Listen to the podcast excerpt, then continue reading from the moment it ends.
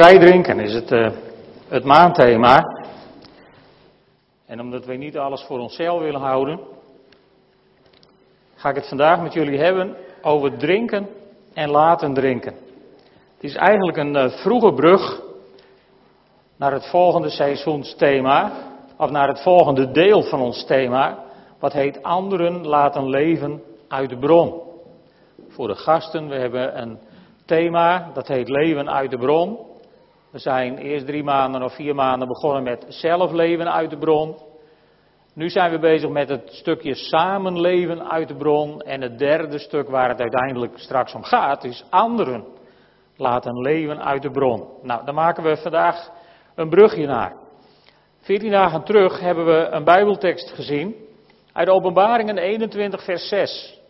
Waar Jezus zei: Het is voltrokken of het is volbracht. Ik ben de Alpha en de Omega. Het begin en het einde. Wie dorst heeft, geef ik vrij te drinken uit de bron van water dat leven geeft.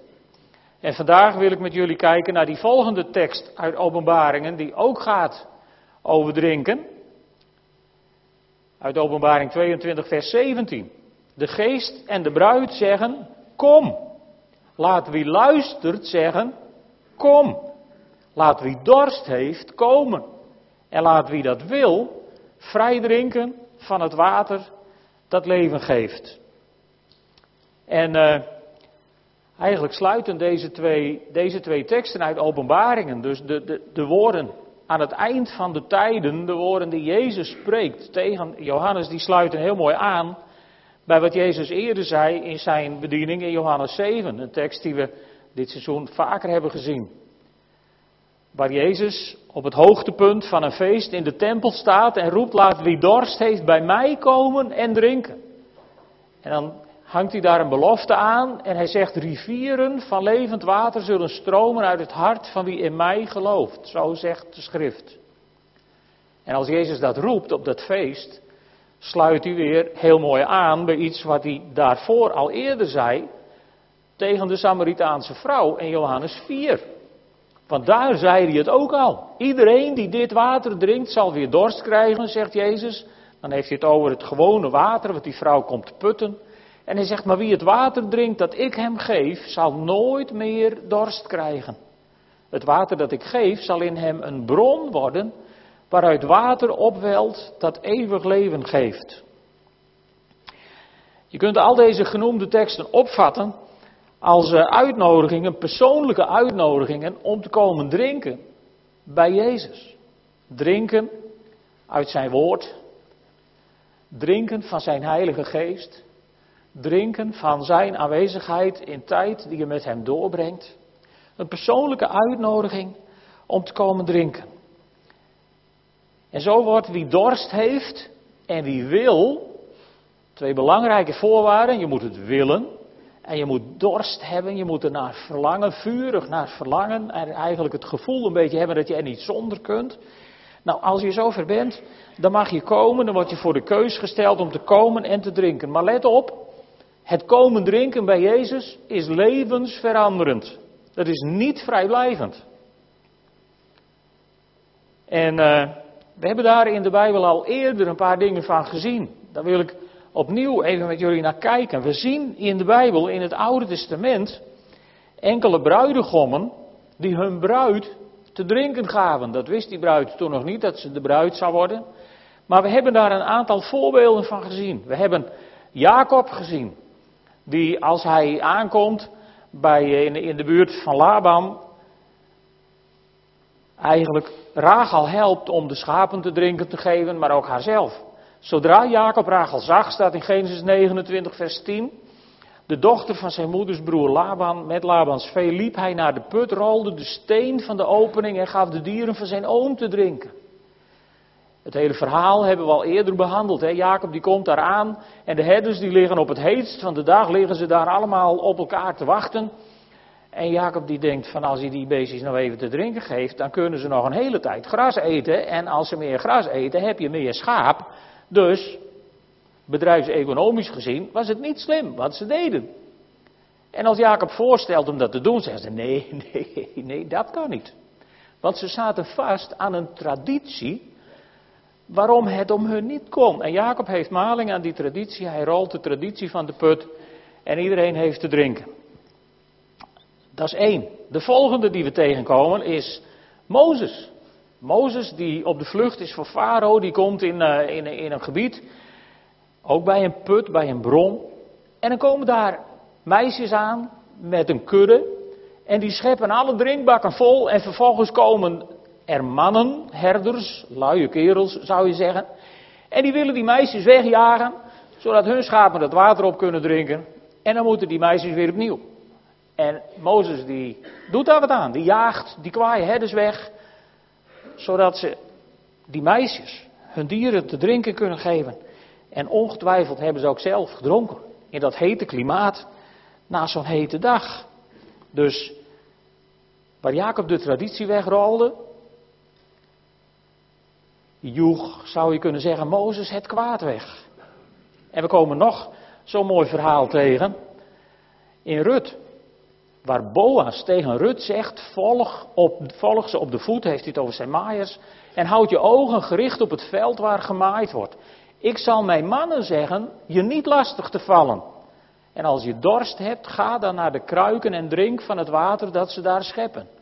Drie keer een man die een vrouw helpt om drinken te krijgen. En drie keer wordt het de bruidegom van de bruid. Heel opmerkelijk.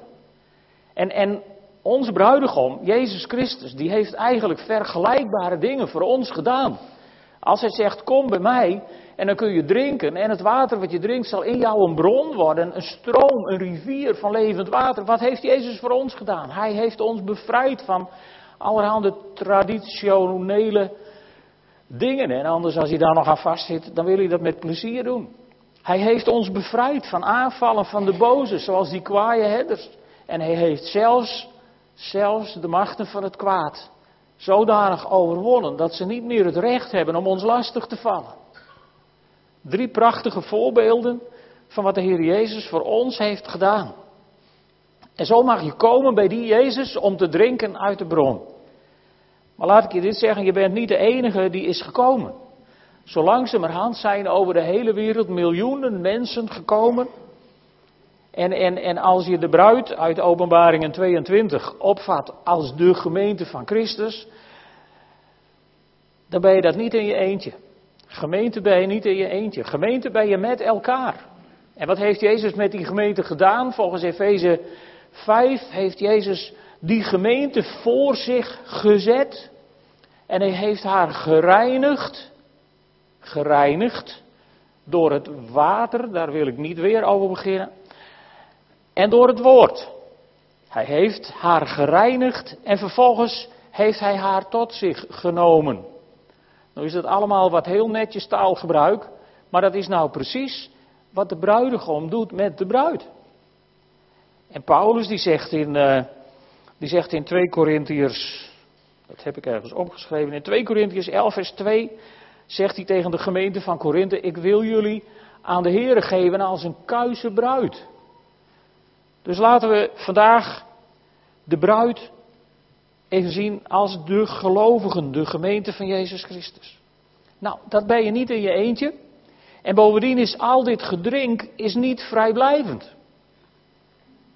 Want Jezus zegt, er zal een bron in je ontstaan, zei hij tegen de Samaritaanse vrouw in, in Johannes 7, vers 38. Zegt Jezus dat die bron een rivier van levend water zal produceren. En de vraag is, wat moet je dan met die rivier? je kunt het laten lopen. Maar dat is vast niet de bedoeling.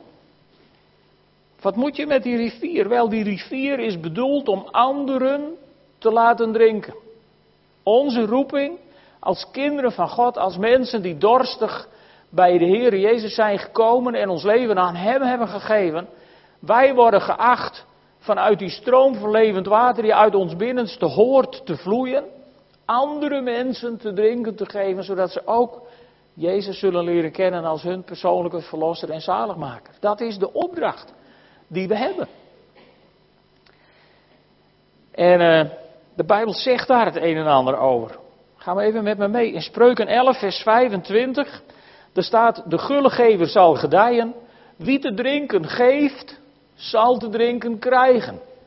Maar, Oude Testament, oké, maar Jezus tilt het over naar het Nieuwe Testament in Matthäus 10, vers 42, waar hij zegt: Wie een van deze geringe mensen een beker koel water te drinken geeft, alleen omdat het een leerling van mij is, ik verzeker jullie, die zal zeker beloond worden. Wie te drinken geeft, zal te drinken krijgen. En de Bijbel zegt ook iets over wie dat niet doet. In Jesaja 32, vers 6. Want een dwaas, die titel heb je dan gelijk. Want een dwaas spreekt dwaas en zijn hart brengt ongerechtigheid voort. Hij handelt goddeloos en hij lastert de Heer. En hoe doet hij dat dan? Wel zo. Wie honger lijdt, laat hij onverzadigd. En de dorstige geeft hij niets te drinken. Dus wil je nou een dwaas zijn of wil je bij de slimmen horen? Ik bedoel, niet mijn bedenksel. En ook deze teelt Jezus over naar het Nieuwe Testament. In Matthäus 25, vers 42. Want ik had honger en jullie gaven mij niet te eten. Ik had dorst en jullie gaven mij niet te drinken. En dat zegt hij tegen de bokken in die gelijkenis van de schapen en de bokken. En hij zegt tegen die lui: Verdwijn uit mijn ogen, werkers der wetteloosheid. Nou, volgens mij willen wij dat geen van allen. Dus is het slim om anderen te drinken te geven, zodat dit verwijt op jou niet van toepassing is. En, en, en, weet je, het wordt nog erger. Dit geldt zelfs voor je vijanden. Mensen aan wie je een bloedhekel zou hebben. In Spreuken 25, vers 21, daar staat: Als je vijand honger heeft, geef hem dan te eten. Als hij dorst heeft, geef hem dan te drinken. En ook deze wordt overgetild naar het Nieuwe Testament door de apostel Paulus. Want hij zegt in Romeinen 12, vers 20: Als uw vijand honger heeft, hij neemt het zelfs letterlijk over deze keer. Als uw vijand honger heeft, geef hem dan te eten. Als hij dorst heeft, geef hem dan te drinken. Dan stapelt u gloeiende kolen op zijn hoofd. Heb je tenminste nog een beetje leedvermaak. Maar daar gaat het niet om. Dus anderen te drinken geven is niet alleen voor de mensen die je leuk, lief en aardig vindt, maar ook voor je vijanden. Voor de mensen die jou het leven zuur maken, aan wie je misschien wel een hekel hebt, die je dan overigens hoort te vergeven, maar dat is een ander verhaal. Goed. Er staat in de Bijbel zelfs een stukje over de woede van God. Over een situatie. De Edomieten en de Amorieten die halen zich namelijk de woede van God op de hals. Door het volk Israël vrij drinken te weigeren. Ja, zelfs drinken tegen betaling te weigeren. In nummer 20, vers 17. Dan vragen ze dat. Sta toe door uw land te trekken. We zullen niet door akkers en wijngaarden gaan. En we zullen geen water uit bronnen drinken. Dat was een heel slim Joods voorstel. Of een heel slim Oosters voorstel eigenlijk. Hè. Mogen wij door uw gebied reizen? We zullen geen water drinken. En dan hoort de gastheer te zeggen: Ja, ben je gek? Het water is vrij tot jullie beschikking. Zo hoort dat. Zo onderhandel je in het Oosten ook vandaag de dag nog over dit soort dingen.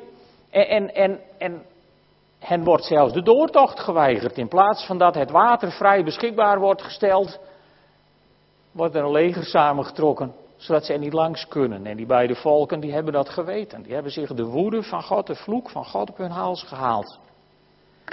Maar we zien in het Oude Testament ook een heel mooi voorbeeld van hoe het anders kan. In Genesis 24.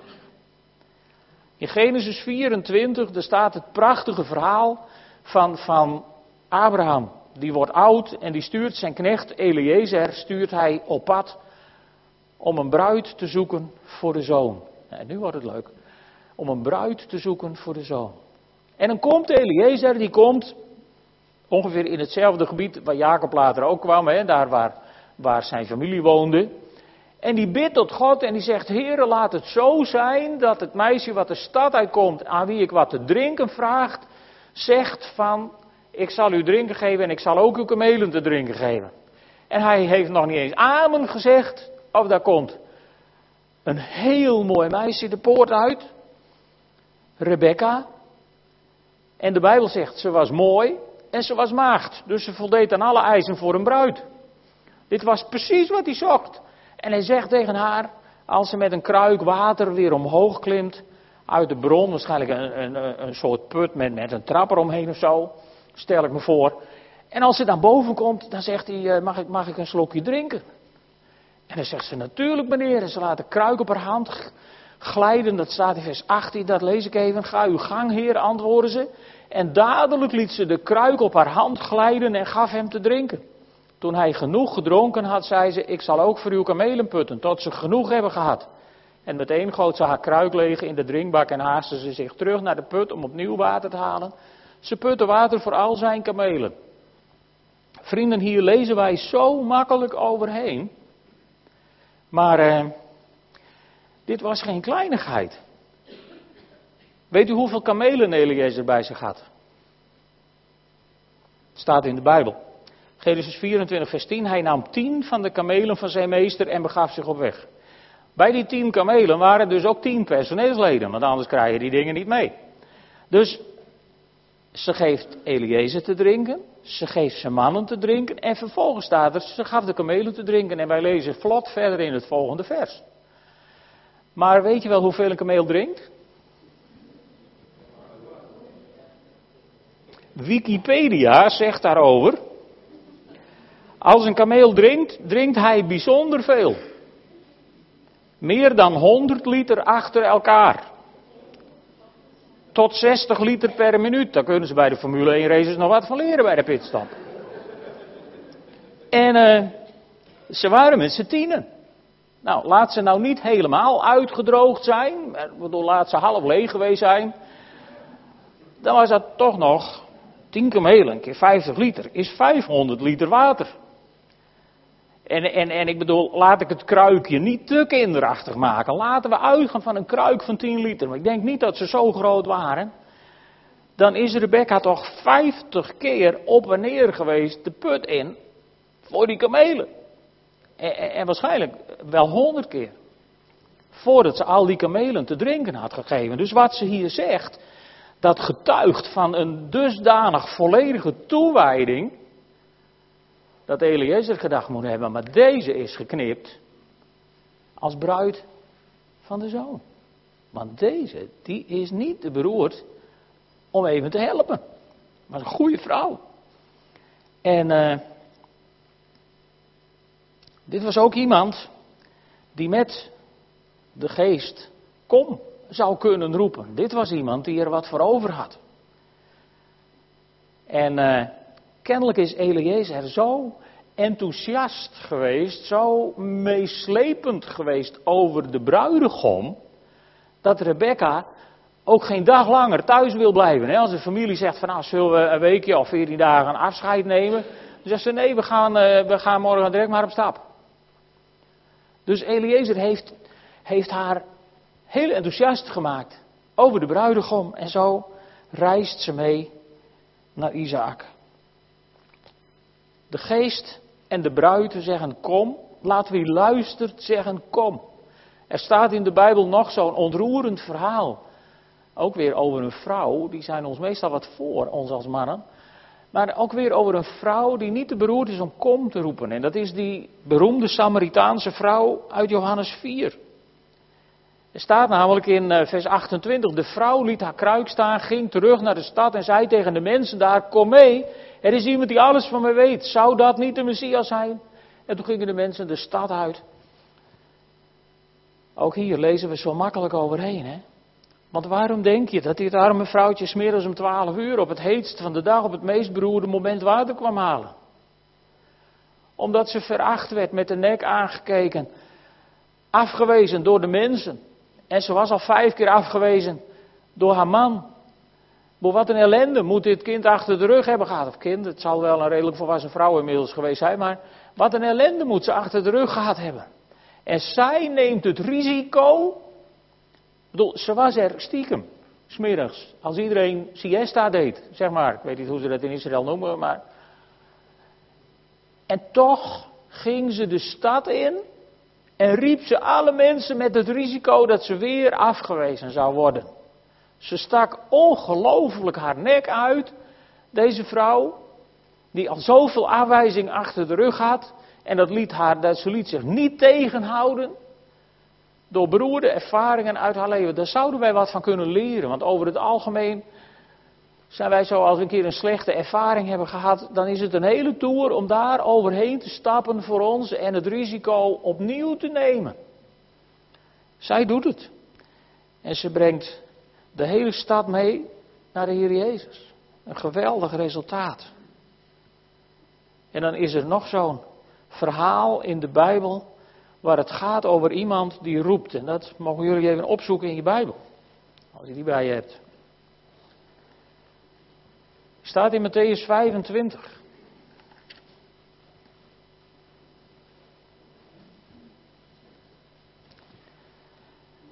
Jezus vertelt een gelijkenis. En hij zegt, dan zal het met het koninkrijk van de hemel zijn als met tien meisjes die hun olielampen hadden gepakt en erop uittrokken de bruidegom tegemoet.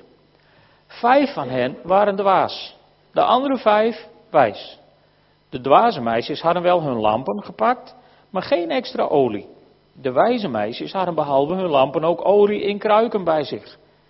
Omdat de bruidegom op zich liet wachten, dat heb je met die bruidegommen soms, werden ze allemaal slaperig en dommelden ze in.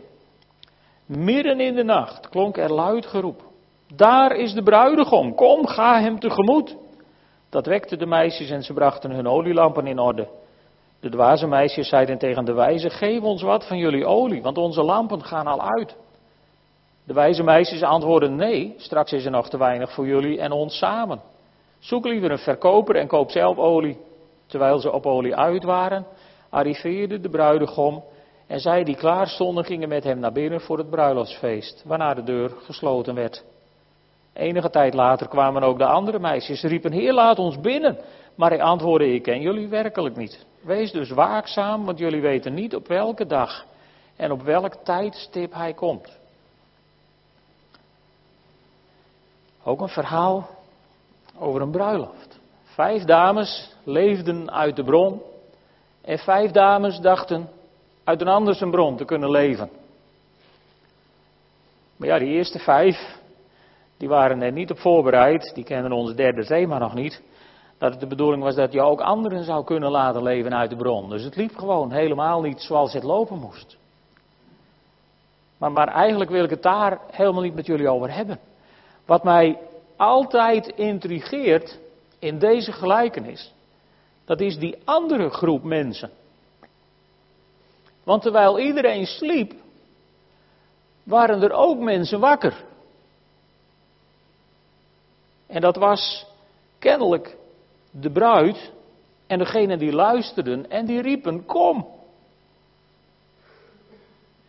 Dat vind ik altijd een hele spannende groep mensen in deze gelijkenis. In vers 6 worden ze wakker gemaakt.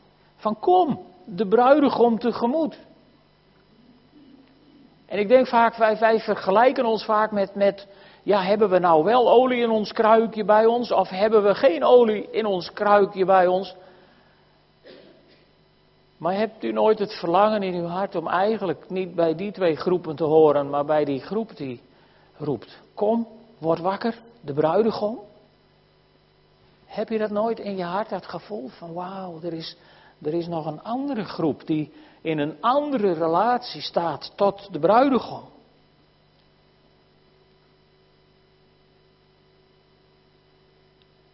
En dat brengt me dus terug bij die tekst uit de openbaringen. Nee, wacht even. Uit de openbaringen. De geest en de bruid zeggen kom. Laat wie luistert zeggen kom. Waar horen wij bij? En ik zou je vandaag willen vragen, hoe ver ben jij bereid, hoe ver bent u bereid te gaan? Kijk, iemand wat te drinken geven gaat misschien nog wel. Maar als die figuur tien kamelen aan ballast met zich meesleept, ga je dan tot de laatste kameel? Want Rebecca heeft dat niet in een uurtje gefixt, denk ik maar zo. Die is daar twee of drie uren mee zoet geweest, voordat al die kamelen te drinken hadden. En haar vader zal wel gedacht hebben, waar blijft ze? Rebecca was bereid heel ver te gaan en daardoor werd ze de bruid van de bruidegom. Bovendien gaf ze Eliezer fris water te drinken. En soms vraag je je af, wat voor drinken produceren wij eigenlijk? Toen Jezus gekruisigd werd, kreeg hij hele andere dingen te drinken dan fris water. Weet je dat? Staat in Matthäus 27, vers 34, als ze Jezus aan het kruis slaan, ze gaven hem gal met gal vermengde wijn. Maar toen hij die geproefd had, weigerde hij ervan te drinken. Wij proberen dit te vergoeilijken door te zeggen, ja, dat was bedoeld als een soort verdoving. Maar dat is nog maar de vraag. Maar hoe dan ook, hij wilde het niet hebben. En toen Jezus langer aan het kruis hing en het uitschreeuwde, mijn God, mijn God, waarom hebt u mij verlaten? Toen kreeg hij nog niet een slokje fris water te drinken. Want Lucas 23, vers 36 zegt, de soldaten dreven de spot met hem, ze gingen voor hem staan en boden hem zure wijn aan. En dan is zure wijn, dat lijkt soms nog heilig bij wat sommige gelovigen weten te produceren. En weet je, als je alleen maar gal en zurigheid weet te produceren. Ik denk dat ze Jezus hiermee symbolisch dat aanboden wat wij mensen elkaar soms aandoen in woorden, in geschrift. Het is tegenwoordig heel populair natuurlijk om iemand helemaal de grond in te boren. Het kan tegenwoordig ook veilig thuis achter je beeldschermpje, zodat iemand je niet terug kan slaan.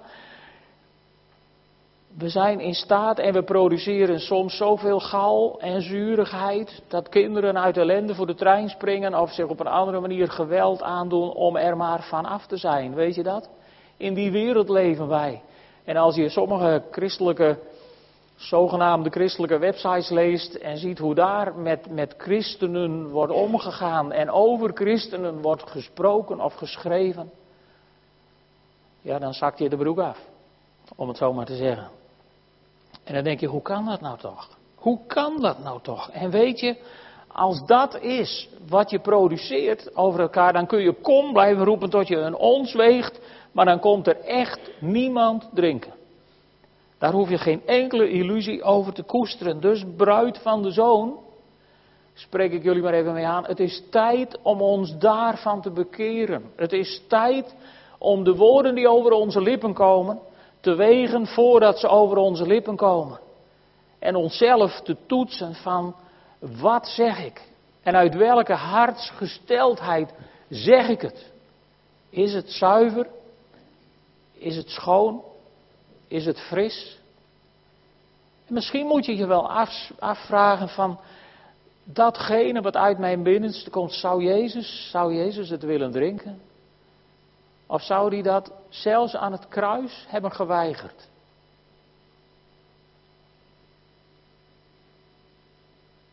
Laten wij vooral zelf drinken van het water dat leven geeft. Uit het woord en door de Heilige Geest die in ons binnenste woont. Laten we zelf veel en overvloedig drinken van het water dat leven geeft. En daarna kunnen wij roepen, net als de bruid in openbaringen, kom. Dan hebben we andere mensen namelijk wat te bieden. Dan hebben we mensen uit te nodigen. Kom en drink. En tenslotte kunnen we dan iedereen die komt te drinken geven tot de laatste kameel. En, en misschien hoeven we dan niet de feestzaal in als gast, maar mogen we wel de feestzaal in als bruid.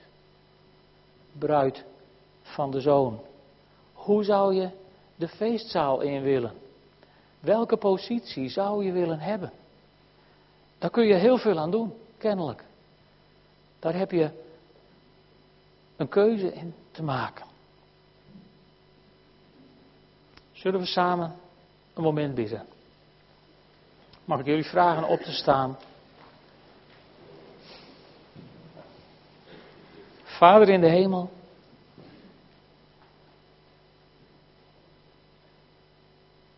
Kom over ons met uw Heilige Geest. Raak ons aan, hier, zo we hier zijn. Heer, u bent, u bent beter dan de dan de duurste scanner in welk ziekenhuis dan ook, om ons helemaal door te lichten. En als er dingen in ons zijn, Heer, waar we van ons moeten bekeren. Heer, misschien hebben we de afgelopen week wel gal of zure wijn voortgebracht voor een broeder of een zuster. Heer, wilt u het ons dan vergeven? Wilt u ons daarvan reinigen? Heer, wilt u een werk van herstel in ons doen? Heer, zodat als we de komende week roepen kom tegen iemand die u niet kent, dat er fris en helder water zal zijn wat leven voortbrengt, eeuwig leven. Hier maak ons zo tot getuigen van u, uit het diepst van onze ziel.